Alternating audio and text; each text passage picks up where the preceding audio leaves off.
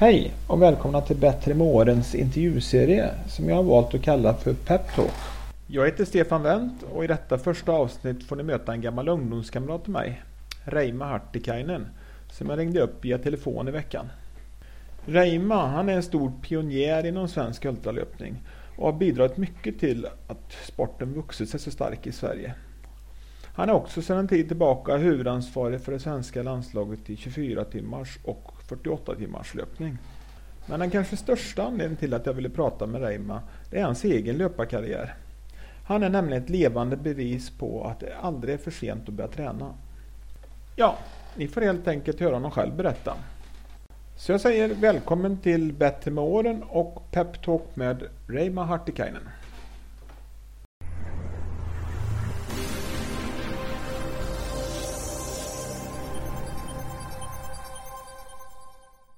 Men då kör vi då Reima. Jag, jag börjar med att gratulera dig till uh, helgen här. Ja, tack. Du var ju ändå headcoach här. Uh, Malin Jansson gjorde ett fantastiskt lopp såg jag. Eller hörde jag. Det blev ja, ju... Maria Jansson. Ja, Maria Malin. Jansson heter hon ja. Ja, precis. Ja, ja, hon gjorde ett fantastiskt lopp ja. Ja. Det var, var det, var det Europarekord eller? Ja, då hon gjorde Europarekord med, vad ska man säga, drygt fem, ja, 500 meter mot det gamla, det gamla rekordet som var satt i Europa då. Ah. det var ett mycket liten marginal men hon lyckades fixa det efter mycket hårt, arbetslut, hårt arbete på slutet. Ah, okej. Okay. Ja. Det var en stor framgång för svenska landslaget det där då, eller ultralandslaget då. Och, ja, det ja. var det. Ja. Det var det. det först, Maria vann ju förra året på EM och blev tvåa på VM. Och när det var kombinerad VM och EM. Och hon visade redan då att hon var kapabel att kunna prestera och det här resultatet hade säkert räckt till seger även i ett VM. Troligtvis i ett VM också. Ja, för det är så pass bra 250 kilometer, det är ganska bra för kvinnor. Ja. Finns det några mer namn i, i, i laget som är starka? Vi hade ett damlag då bestående av Maria då och sen Annika Nildrud mm. och Sandra Lundqvist. Och de tre tillsammans lyckades då efter en ganska hård fight med polska tjejerna lyckades bli tvåa då. De ja. polska tjejerna körde, hade lite mer krafter på slutet medan Maria körde på medan de andra två tjejerna i svenska laget tappade lite grann mot pol pola, polska tjejerna. Så det blev att de drog det, det vassast med strået med ett par kilometer före tjejerna. Mm. Ja. Ja. Herrsidan, hur ser det ut, eller hur gick det där? Herrsidan hade vi två herrar. Mm. Dan Välitalla och Johan Stene. Mm. Och de individuellt lyckades de med 15 20 man ungefär. Men båda passerade den magiska gränsen på 240 kilometer, det vill säga en mil i timmen i 24 timmar då. Ja, ja. Hur, hur är det med sporten? Är det, äh, växer det liksom, ökar konkurrensen och, hela tiden eller?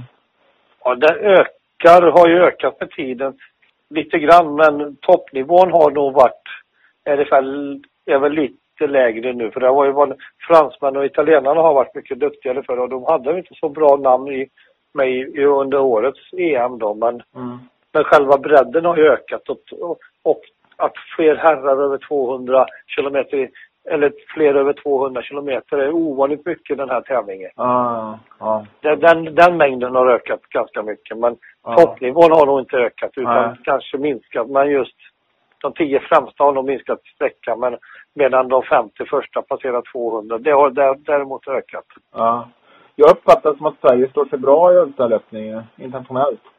Stämmer det? Idag, idag så gör vi det ja. Ja. Det gör vi. Jag tänker på en eh, sån som Jonas Bu där och Ultravasan och det här som har kommit mm. in. Eh, hur mycket har det betytt för sporten? Jonas har ju då på, när det gäller 100 kilometer och Ultravasan, det har ju lyft sporten mer att det, det syns ju mer att när det både görs reportage och kraftfulla mm. satsningar då på att vi får åka på de här mästerskapen ja. och få kostnadstäckningen från förbundet och alltihop. Att ja. det finns ett stort intresse att det, det, det marknadsförs ju mycket bättre nu. Ja. Så vi har ju mycket större, ja, ja, vi syns mer idag. Så Ultravasan, att man börjar med det, det eh, och det medieintresse som det innebär, det, det är välkommet. Eller det betyder mycket för sporten, eller? Jajamän, det ja. Alla de här tävlingarna där man, där man får mycket folk starta eller får bra resultat. Det är ju starkt för media att lyfta det här. Då lyfter vi hela sporten. Även de mindre tävlingarna lyfts ju. Ultran, folk pratar inte om ultran som negativt idag utan tvärtom. Stämmer det att det var du som var den drivande kraften för att få in ultralöpningen här under Svenska friidrottsförbundet? Ja, jag var ihop. Jag var en av de få som startade ihop det. Vi var några stycken, vad ska man säga, om man får kallas fanatiker som ville ha in det under Friidrottsförbundet. Så vi, vi startade, hade ett möte och så startade vi upp det här jobbet mot, gentemot Friidrottsförbundet och få in det som en fullgoda grenar och till slut så fick vi det efter mm. Flera års jobbande och liksom, och naturligtvis fick vi fler som sprang ultra och även fick lite framgångar med Jonas 100 km tävlingar. Så kom, insåg de att det kanske är värt att satsa på det här då. Mm, mm. Hur din roll inom ultralöpningen i Sverige sen dess varit? Vad har den varit? Om man säger så. Och hur, hur har det liksom utvecklat sig från det att du fick in det då? Ja, min roll har ju varit att komma in i, först att komma in i Svenska friidrottsförbundets vingar och sedan har jag ju fått förmånen att få vara landslagsledare då inom den här sporten. Mm. Och, och, och få väl vara med och ta ut löpare och, och även hålla den här kontakten och förstärka vår roll inom Friidrottsförbundet och ja, få, dem, få ja. dem att förstå riktigt att det, det är en sport som är värt att satsa på. Då. Mm. Så, liksom lobba för positiva nej, grejer. Ja. Nej, vilket årtal var det ni kom in? Vet du det? Kommer du ihåg det?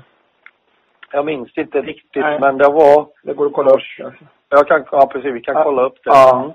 Men du, har du, du, om jag uppfattar det rätt så är det du som har varit i princip förbundskapten då hela tiden eller? För... Ja, i stort sett med lite... Eller ja, den driver... Den... den större delen i alla fall av det. Ja, det är du som har liksom lett utvecklingen om man säger så i Sverige. Ja, mm. ja det är fantastiskt. Om, om, du, en fundering som jag har då. Det är om man pratar skyrunning och sånt där. Emelie Forsberg tänker jag på. Yes. Hur kommer det in? Har det någonting med ultralöpningar? Jag liksom ja, det har ju... För, skillnaden riktigt här. Det har ju vi har ju inte orkat mäktat med mer än att ha 24 timmars och 100 kilometer i förbundet. Men nu har ju även det här med vad heter det, traillöpningen som är ultra, ultralång har ju också kommit in. Så nu är det mästerskap nästa vecka för detta med trail. Var, ja. var Emelie Forsberg är med i. Ja, just det. Fast sen ja. är skyrunningen ytterligare någon annan gren? Eller? Det är en annan gren, men för hon har ju satsat på sådana här, det är liksom sponsorlopp som satsar mer på det då. Men ja. nu har ju även inom internationella ultraförbundet har de insett att det ska finnas en trail ultra också eller sådär och nu, nu finns det ju den kategorin också, man springer tra, trail och ultra också. Mm, mm, mm. Och det är också på väg att, i Sverige har ju trailern växt, växt enormt mycket de sista ja. sex, sju åren. Ja. Om vi, om vi säger då Jonas Bur, det affischnamnet lite på herrsidan då, så har vi då i så fall både nu är det Maria Jansson och Emelie Forsberg då som stora namn här på damsidan då eller? Hur har mm. uppfattat? Ja precis. Så det, de, gör ju alltså, de, de är absoluta världseliten då? Ja men de är absoluta världseliten ja. Ja, ja. Ja, det är intressant. Du och jag Bill lärde ju känna varandra i IFK Skövde en gång i tiden i ungdomsåren. Precis. Och vi var ju, ja vi var ju aktiva både, det var både skid och friidrottsverksamhet. Skidor och löp, löpning ja, precis. Ja, så man kan ju säga, och även privat då, så vi, vi delar ju faktiskt en hel del gamla roliga minnen, du och jag.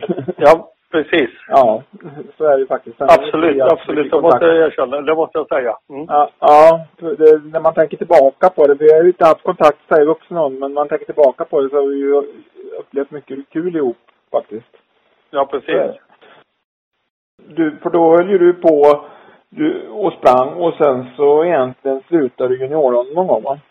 Ja, jag slutade när jag ryckte in i lumpen när jag var typ 20 då. Ja, ja precis. Så. Om vi, ja, om vi börjar, om vi backar tillbaka ytterligare här då så kanske det är bättre att du berättar då egentligen bara lite kort här nu då. Vad, eh, ja, var, var kommer du ifrån? liksom, hur, om vi tar din livshistoria lite snabbt här då. Och vem är du egentligen?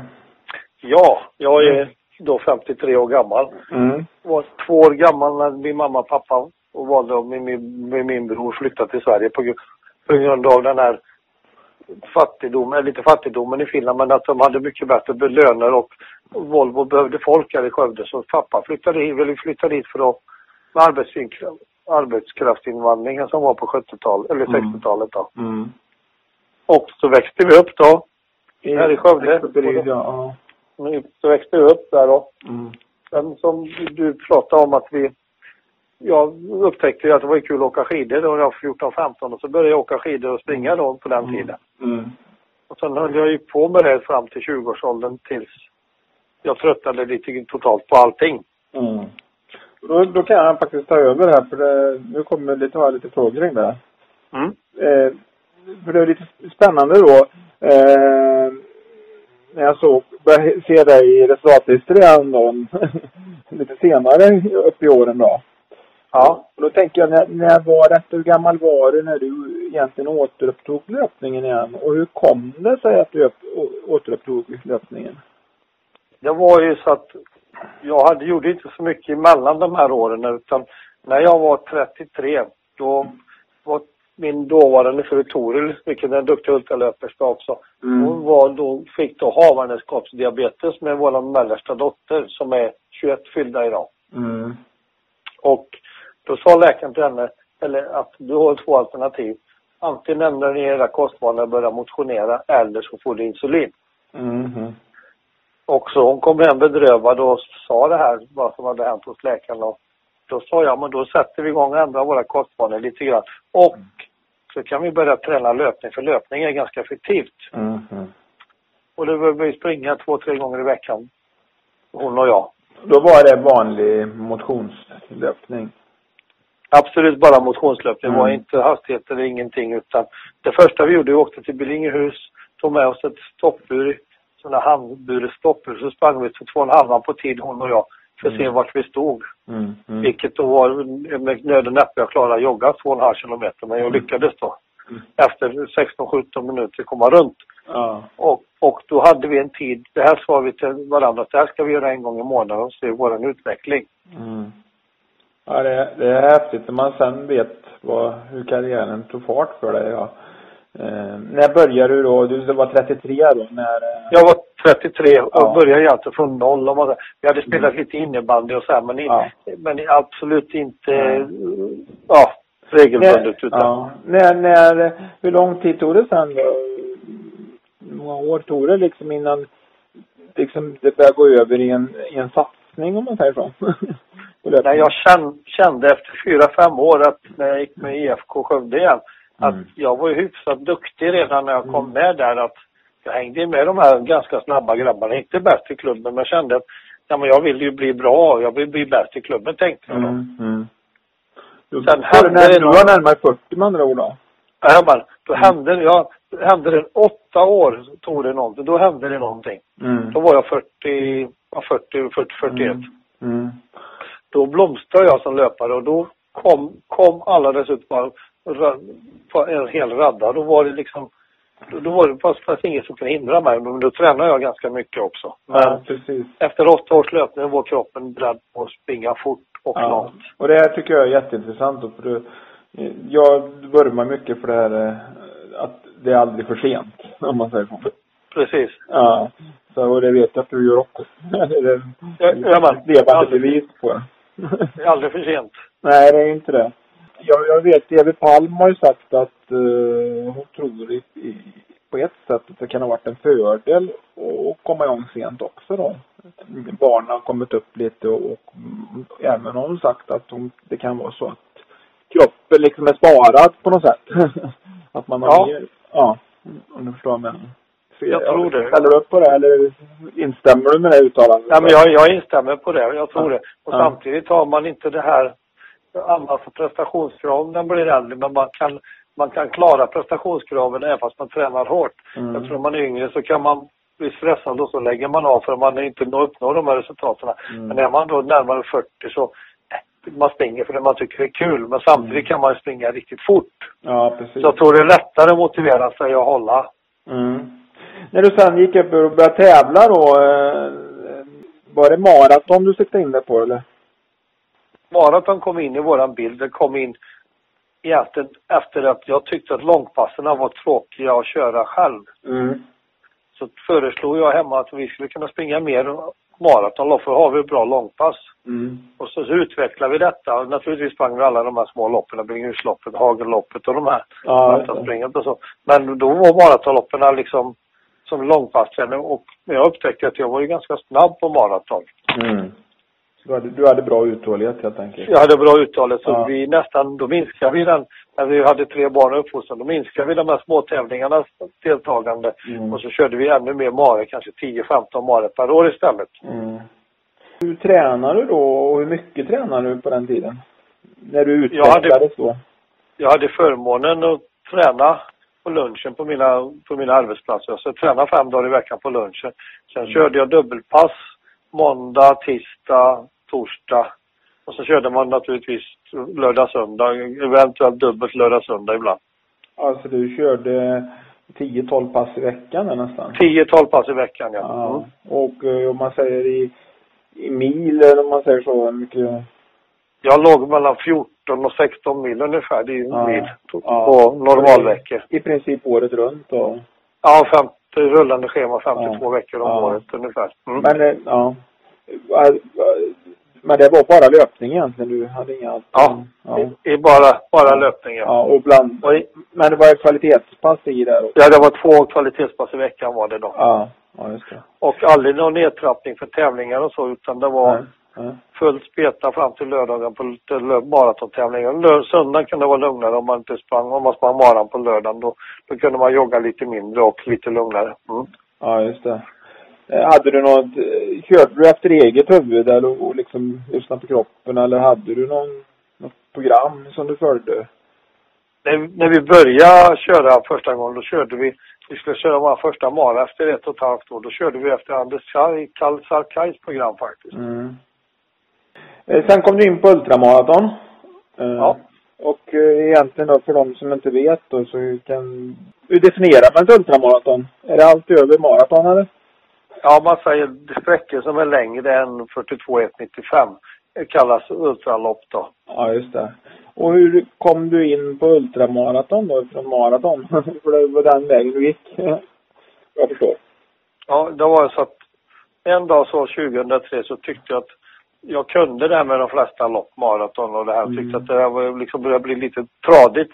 Så såg jag att det fanns en 100 kilometers tävling i Trollhättan och tänkte det där vore kul att prova, att springa 100 kilometer. Mm. Det var det jag tänkte att det måste jag prova. Ja. Och, och då följde ju Toril med, min dåvarande fru med och tittade på. Tyckte, Ja. och Hon tyckte att vad fan skulle du springa det för? För att det är långt. Ja. ja. Men samtidigt höll de på med ett 24 timmars lopp och det var gamla damer och många konstiga halta lyttar som sprang där 24 timmars lopp. Och då så första hon säger till mig när jag har sprungit färdigt så att det där vill jag prova springa i för 24 timmar. Hon var likadant lagd som dig. Ja. Ja, hon var det. Hon tyckte att jag var dum och sprang 100. Men då bestämde vi att nu gör vi det här för att vi visste, det fanns inte mycket 24. Vi var helt noviser i detta. Då visste vi att den här tävlingen återkom året efter i juni i Trollhättan. Så 2004 gjorde vi våra första 24 i 17 timmar regnande och så. Och då var det inte många deltagare på den tiden antar jag? Det var 50-60 deltagare på den tiden. Ja, okej. Ja. Ja, då lyckades vi ganska bra båda två. ja, ja. Så att vi vann våra, våra klasser där och jag sprang riktigt långt också. Så att Ja, ja. Var, eh, var det 24 timmars? det var 24 timmar, ja. Vet du vad det, ja, det vet du naturligtvis vad du, vad du har som rekord på Ultra? Ja, 24 timmars. Ja, det vet jag. Det finns ett icke-officiellt rekord på 303 kilometer. Okej. Men det var du inte i närheten av då första Nej, nej, nej, nej, nej, för att det, det är gjort på sådana konstiga förlag. Men ett bra resultat på 24 timmars, det är en 260-270 kilometer. Ja, det är fantastiskt. Jag gjorde, jag, jag gjorde 220 då på 22 timmar. Jag var Ja. ganska nöjd ändå. Jaha. Ja. Eh, har du sprungit 48 timmars också? Ja, jag har gjort två stycken. Ja, ja. Hur, hur är det? Det är mycket tufft. ja, jag förstår det. Det är extremt tufft för att Ja. det är det Ja. är liksom två, två nätter utan sömn. Ja. Jag var faktiskt lyssnat, jag kommer direkt ner från stan nu på, jag har varit på skidträff här nere på, då jag lyssnat på Erik Wikström, om du vet vem Wikström? Ja, jag vet. Ja. Ja, han stod ju världsrekordet på 24 timmars längdskidåkning i, i, i vintras. Okej. Det Ja. är ju ingen stor grej, men det finns ett världsrekord. ja. Och han sprang ju Ultravasan och, och då jämförde han och sa att Ultravasan, springa Ultravasan var mycket, mycket tuffare. Han, han tyckte det, ja. Han ja. åker skidor i 24 timmar, det tyckte han. Okej. Ja, det var bara en, det var bara en parentes. Vad kul att höra. Ja, precis. Vet du hur många maraton respektive ultramaraton du har sprungit? Ja, det vet jag faktiskt. Så jag har 109 maraton har jag gjort. Okej, det är ju fantastiskt. Och 66 ultralopp. Totalt 175 då. Ja, det är otroligt. Helt otroligt. Tack. Men du har inte sprungit halvvägs till månen som en kompis till har gjort? Du, jag tror jag har sprungit ganska långt. Jag hade tränings, träningsåren var 7000 kilometer om året var det Ja. många år. Ja. Så att jag, jag, jag sprungit ganska långt, ja. Mm. Ja, jag hörde Rune Larsson sa det i en intervju att han hade passerat 22 000 mil, att det var halvvägs till månen. Men han hade Ja. kört träningsbok sen han var 16 så. Ja, han har kört mycket. Ja. Han var lite, ull- ja, lite sån profil. Ja, men det är roligt. Det men jag har faktiskt sprungit runt jorden vet jag. Jag tror jag har räknat ut Ja. jag har gjort. Ja, det, är liksom, det, det är inga problem längre. Nej, nej, nej. Du har aldrig funderat på att göra någon sån här eh, Rune Larsson-äventyr? Ibland så känner man för det, men samtidigt så, ja, man Ja, får ju tiden att räcka till allt möjligt Ja, och allt annat. jag förstår. Okej, ja, det var intressant att höra. Ditt bästa maraton om jag fråga. Vilket är det du har gjort? Det snabbaste var faktiskt i 2003 i Växjö på 2.35.16. Men jag har gjort en liknande tid i Stockholm. Skilde bara 15 sekunder och Stockholm är en tuffare bana och i varmt väder. Jag har gjort Mm. 2.35 i Stockholm också. Mm, mm. Och då var, då var du bland de 20 eller?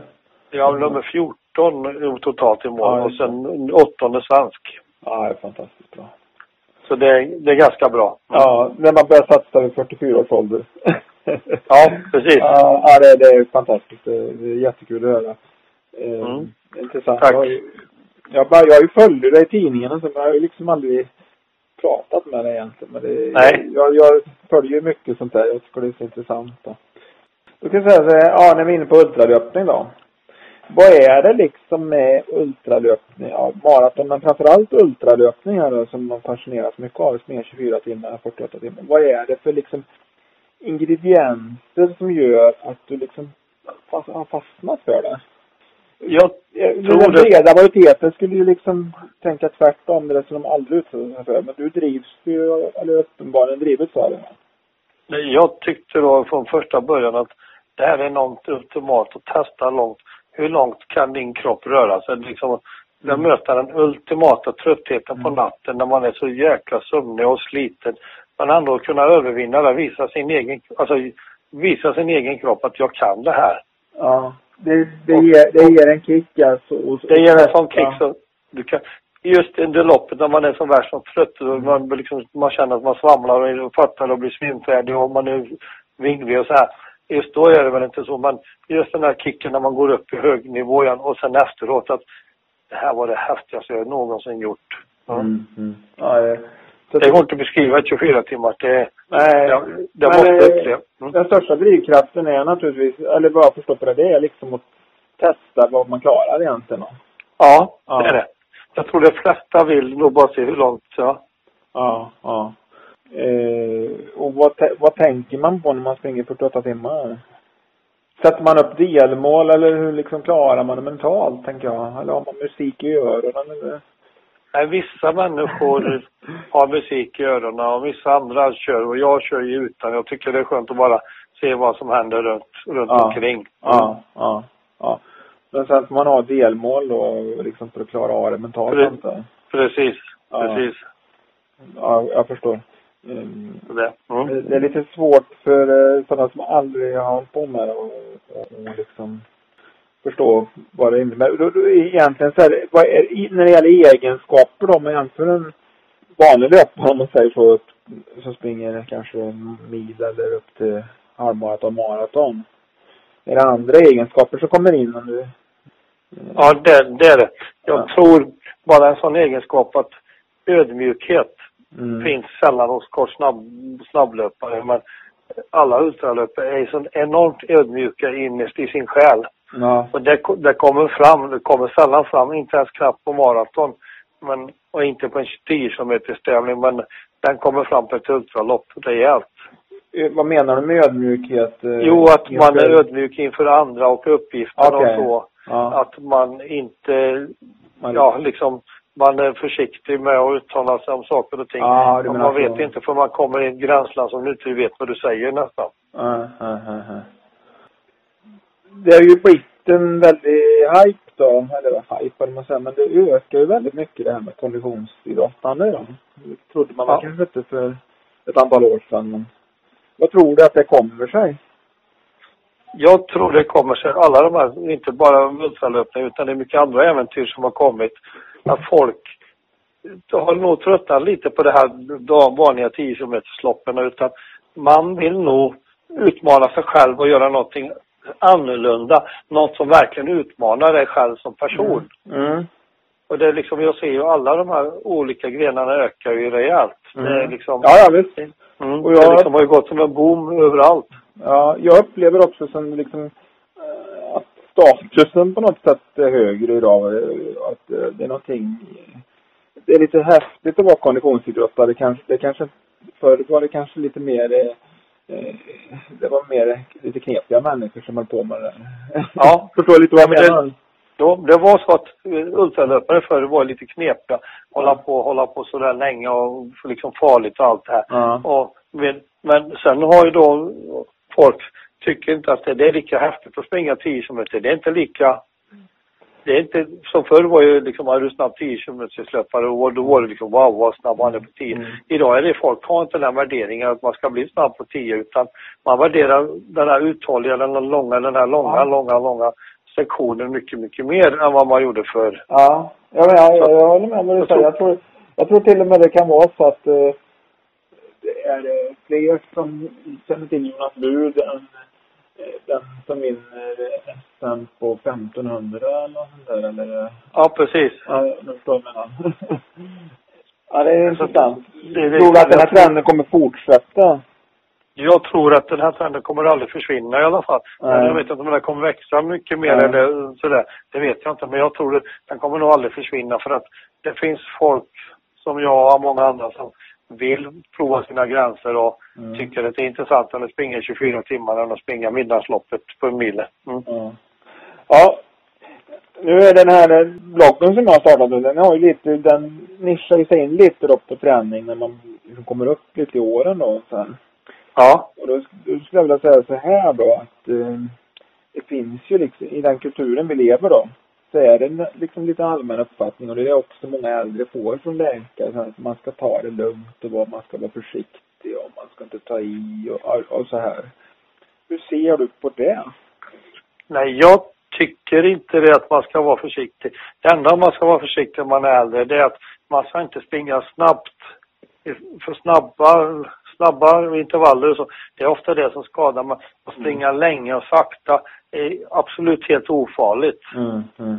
Jag har sett många som har gått på äldre år och skadat sig för de har sprungit snabba intervaller och så. Då är de ofta skadade och då tröttnar de och så slutar de springa. Men att bestämma sig att springa fem mil en lördag ihop med ett gäng, glatt gäng i långt, långsamt tempo med ryggar med lite fika på. Mm. Skadar inte utan det blir både socialt och skonar kroppen ganska rejält för hastigheten är så pass låg. Mm, mm. Men samtidigt när den är så låg då bygger den upp ganska senor och ligament ganska bra för man håller på ganska länge. Till slut om man hållit på ett tag så, så är det mycket tåligare för andra sorters skador. Mm, mm, mm. Jag förstår. Vad tror du träning liksom betyder, när man blir lite äldre så vad tror du träningen, hur tror du den inverkar på, på äldre egentligen? Jag tror det inverkar att du blir mycket, mycket yngre till själen och mm. även fysiska åldern sjunker om man säger så. Fast mm. på pappret, de här fysiska åldern sjunker rejält. Mm. Och folk mår, folk mår ju jättebra. Det är liksom mm. värden som är då som 20-30-åringar som missköter sina kroppar. Mm. Liksom, vi har ju bättre, ofta bättre värden i våra kroppar med allting. Mm. Du, har, du har sett många exempel på detta antar jag? Ja, jag har sett många som kan hålla på hur länge som helst och deras levervärden och all blodvärden och alltihopa. Och fettvärden är ju fantastiskt bra för Mm. att vara liksom äldre. Mm, mm, mm. Och sen eh, har du, har du, har du också noterat antar jag, för det har jag gjort att de här nu senast att eh, Toronto Marathon var väl, jag tror han var 85, kan det ha varit det? 80, 85? Okej, ja. Så sprang, och- Ja, jag tror jag har sett det, ja. Precis. Ja, han slog ju världsrekordet för eh, 80, i klassen 85 till 30 90 eller något sånt där. Ja. Ja. Världsrekordet med 30 men han gick ju under, eh, under fyra timmar då. Ja, det är så fantastiskt. Ja. Ja, så, så det, det är ju så att den här rekorden för den äldre slås ju på löpande band där faktiskt. Ja, Ja. Det är fantastiskt. Ja, men det är liksom, jag tror ju längre du håller på och springer, ju längre kan vi hålla på. Du, du har ju bra exempel på hon, eller han, Elis Furoff. Ja, ja, ja. Han blev ju 100 år. Ja, precis. Och han, jag såg honom vid Skultorpsskolan som 90-åring och sprang. Ja. Det gick inte fort. Men det handlar inte som jag sa till dig om att springa fort. Det, Nej. är man det, här, om man är äldre, då springer man inte fort. Men Mm. bara att man rör på sig och man kan röra på sig länge. Mm. Det, det, jag, jag liksom nästan gräs när jag såg honom för att han Mm. var fortfarande igång. Ja, ja, visst. Ja. Ja, det var fantastiskt. Han, han blev för övrigt världsmästare när han var 90 då. Ja, han var ju bara att skidtränare. Han var ju fan 70 år när han lärde oss åka skidor. Precis, jag vet det. Mm. ja. Ja. Det är, roligt. det är roligt. Jag kollar på gamla, jag har ju maratonlöpare framför mig. För jag får på det gamla europeiska ål- åldersrekord för Europa. Mm. Och att maraton på 45-klassen, det är faktiskt Kjell Erik Ståhl som har världs Europarekordet. Ja. Det, ja. På, gjort 91 på 2.15.51 i Berlin. Ja, ja, det är fantastiskt. Han, Det är fantastiskt. Det Mm. var en, eh, det var en hårding. Ja, ja, precis. Det är Ja. en förebild, förebild för mig. Det Ja. är hur man är maratonlöpare. Vadå vila och träna? Träna hårt och tävla mycket. Hur Ja. svårt kan det vara? Mm. Ja. Hur blev det? Två... Ja, det är han som har sagt en gång i tiden att kan man stå upp och duscha då har man kört lätt. Ja, precis. Och kör man bara på 2.10.38 som är fortfarande svenska rekordet, då är man bra. Ja. ja, ja, det är det. Hur ser din karriär, eller hur har din karriär, din karriär nu sett ut de senaste åren här då, när det gäller löpning och... Den har faktiskt varit lite dålig för när jag skilde mig från Thule så tappade jag lite intresse för att springa när jag hamnade, flyttade till Stockholm och så. Mm. Blir lite sådär mindre, mindre mil och så så att, Ja. ja. När du, ja, du, du, du, det, du liksom satsar ju inte längre utan du är mer... Jag satsade inte, satsade inte på att tävla på det sättet Nej. med. Utan jag satsade bara för att hålla igång ofta varje dag eller helst om det går. Ja. Bara för att hålla, hålla kroppen igång. Ja. Och det, det är där du är nu då. Men du springer fortfarande maraton ibland? För att det är kul? Jajamän, jag springer. För jag, Ja. jag har gjort så att jag samlar på mig de här stormarerna för jag har kvalat in till dem, Boston och New York och de här och bara för att ha gjort det, för att vara färdig med dem sen. Ja. Och eh, tycker du alltid att det är kul att springa? Ja, jag tyckte men det har varit lite ensam de sista åren men Ja. jag tror nu om jag skulle kunna bli en sambo nu med en löpartjej här som det verkar då så kommer jag nog uppta och börja köra lika hårt som hon. Ja, och det. försöka göra en ny satsning till 20, komma med landslaget på 24 timmar så Ja. springer jag själv. ja. Om man säger en ultralöpare då, hur, hur ser en typisk träningsvecka ut? Ja, bland dina Du, den, adepter den är så otroligt varierande. Där är det? Jag, jag körde som en vanlig maratonlöpare. Mm. Att vanlig maratonstissa. Jag tränade precis som maratonlöparna gjorde. Ingen skillnad. Däremot tävlade jag mycket på maraton. 15 maraton Mm. per år. Och kunde köra en mara på lördagen och en på söndagen också. Bara Ja. för sakens skull. Ja. Det är väl skillnaden mot en Ja. heltidssatsare. Men många ultralöpare gör ju som Jessica som jag känner väl nu då. Mm. Hon kan ju köra ett sex timmars, sex timmars pass Ja. på lördag morgon även fast det ösregnar så går hon ut sex timmar och kör sex mil och så är hon klar. Ja. Håll, ja, ligger hon i, i tävlings, ultramaratontävlingsfart då eller? För det, det hörde jag Jonas Bur i en intervju han sa det om han kör till exempel på dagen, på lunchen eller vad det nu är. Det går ju, alltså om han kör, om inte han kör för långt då kan han ju ligga i tävlingsfart. Det menar han på att det är bra att, träna i den farten du sen ska hålla på till exempel. Viss, vissa kan tycka det och, springer man så fort som han på 100 så är det nog bra. Men ska man springa 24 timmar så då är inte farten viktig utan då är det bättre att springa 6 timmar i, i tempo bara att du överlever 6 timmar så ja. är det bra. Mm. Ja, det är bara det. Bara vara ute de tiden. Ja. Mm.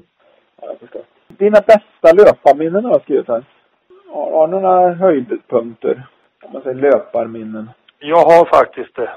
Mm. Kan du nämna något? Ja, jag har 2005 så valde vi att åka till eh, eh, Finland och för Åbo och springa Paavo Nurmi maraton. Mm.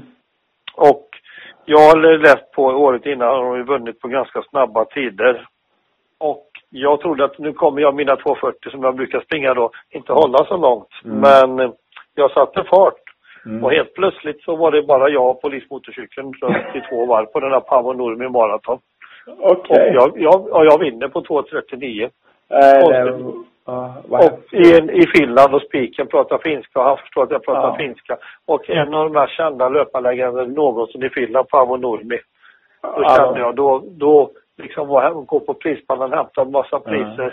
Då var tårarna inte långt borta? Då, då var tårarna där ja. Ja, jag Det var en sån känsla. Jag ja, vann det, här klassiska.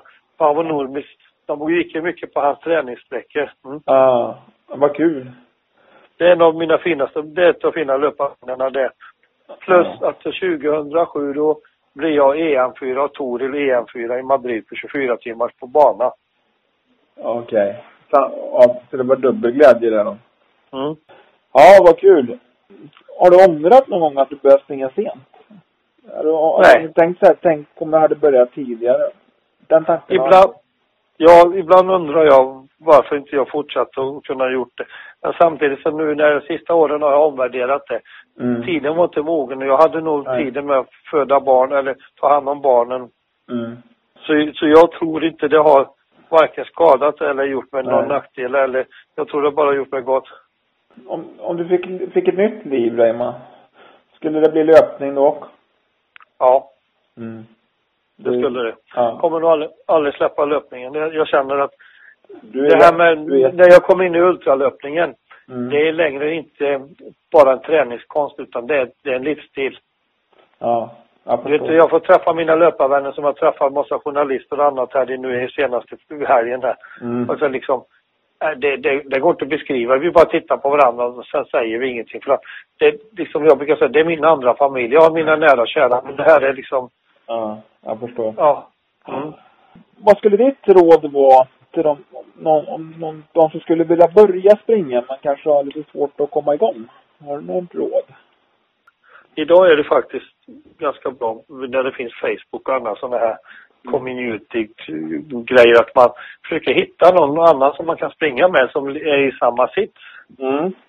Om man hittar någon sån här jogggrupp eller vad som helst bara mm. för att liksom inga prestationskrav utan man bara är där för att kunna umgås och sen att man tillsammans kan börja ja. jogga tillsammans och hitta. Mm. Ja, precis. För har man inget seriöst satsande då är det jättesvårt att motivera sig att komma ut ofta. Det handlar om att komma ut ofta. Det är det det handlar regelbundenheten handlar löpningen helt och hållet om. Ja, precis.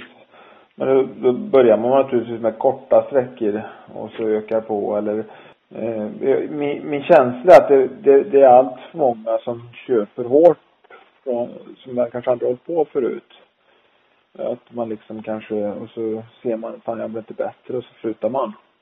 Mm. för kroppen. De, alltså. de, flesta, de flesta som startar äldre springer nog för få hårt och så blir de skadade eller mm. tycker att det är tråkigt. Ja. I, i, istället för att skynda långsamt ja. Om man säger så här, vilka misstag man då ska passa sig för som nybörjare, då, då är det det egentligen att, eh, att ha tålamod eller? Ja, precis. Man ska ha tålamod. Och det är som jag säger, hellre springa sakta, sakta, sakta, länge, mm. länge. Mm. Och särskilt då när man är äldre. Ja, äldre. För att ja. det, det, är aldrig sträckan som dödar, utan det är farten som dödar. Det vill säga mm. döda menar att man blir skadad och tröttnar. Mm. man... Om, om man säger så här om man, om du tar, om man tar en som är igång då och kör och känner att de har på länge och så här och de har kört fast lite och liksom ja, utvecklas inte eller om man ska säga så. Det händer inte så mycket. Är någonting du skulle vilja, några tips till dem? Man kanske har sin runda man kör jämt och så här och Ja, det är ju, man ska försöka hitta kamrater att köra med för att kör man samma runda, det blir lite enformigt och hittar man andra att springa med då det blir det mycket lättare och, och då kan man bestämma tider och då kommer man ut också att Mm. vi kör varje onsdag med någon grupp och Ja, alltså här. Nu tänkte jag bara för att göra en liten, bryta av det här lite, eller jag göra en liten kul grej här när vi börjar oss slutet då. Eh, lite tio snabba då. Jag, jag säger någonting och sen så får du lite grann sen bara ge ett kort svar, eh, kommentera det. mm. Ska vi prova? Ja, kan vi prova? Mm. Ja. Då är första, springa med musik i öronen. Nej, jag vill höra naturen och det som händer runt omkring. Mm. Kosttillskott. Nej, inte om man äter fullgod mat. Tillskott av magnesium kan man rekommendera om man tränar mycket för man magnesiumbrist är ganska vanligt inom löpare. Okej. Styrketräning. Ja, för mag och rygg, alltså bål, core-träning. Mm. Bålträningen är viktig. Ett par gånger i veckan är ett bra komplement ju äldre man blir för då har man en bättre hållning. Okej. Inte ben. Inte, inte ben behöver man inte. Kör man mycket distans och så, intervaller, så behöver inte benen för benen är tränade ändå. Ja. Okej. Kompressionskläder. finns fördelar på i alla fall strumpor på att öka blodcirkulationen i fötterna så man inte svullnar så mycket på fötterna på under ultralopp. Annars har jag nog ingen större tro, tro på detta. Eh, eh, träningsprogram. Ja, det kan vara bra ha det så man har något att lägga upp sin träning på Mm. och inte bara springa på slentrian. Ju mer man vill tävla, ju mer träningsprogram tycker jag träningsprogrammet är viktigt. Okej. Eh, barfotalöpning. Tror jag inte på eftersom våra kropp är inte byggda för att springa barfota. Vilodagar. Ja, efter känn, känning på hur kroppen mår när man kommit på hög nivå. Ja. Löpband. Ja, mycket bra komplement om det är väder och rusk och man har barn hemma. Ja. Stretching. Bra i lagom mängd för att sätta ut de löpmusklerna, de musklerna som kan bli kortade för, löp, av löp, för löpningen. Mm. Alternativträning.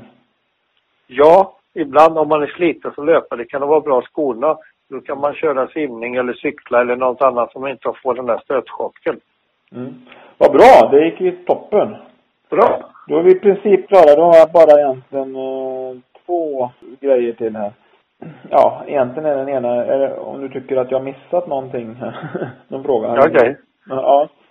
Ja, Jag, jag tycker inte du har missat någonting. Ja. ja. Och så sista egentligen, om du har något eh, annat budskap eller någonting som du skulle vilja skicka med till, till de som kommer läsa den. Men jag tycker att det, som jag sagt tidigare, det är aldrig för sent att börja. Nej. Oavsett hur gammal är och, och, det, och, och håll ut ett par månader när ni börjar träna.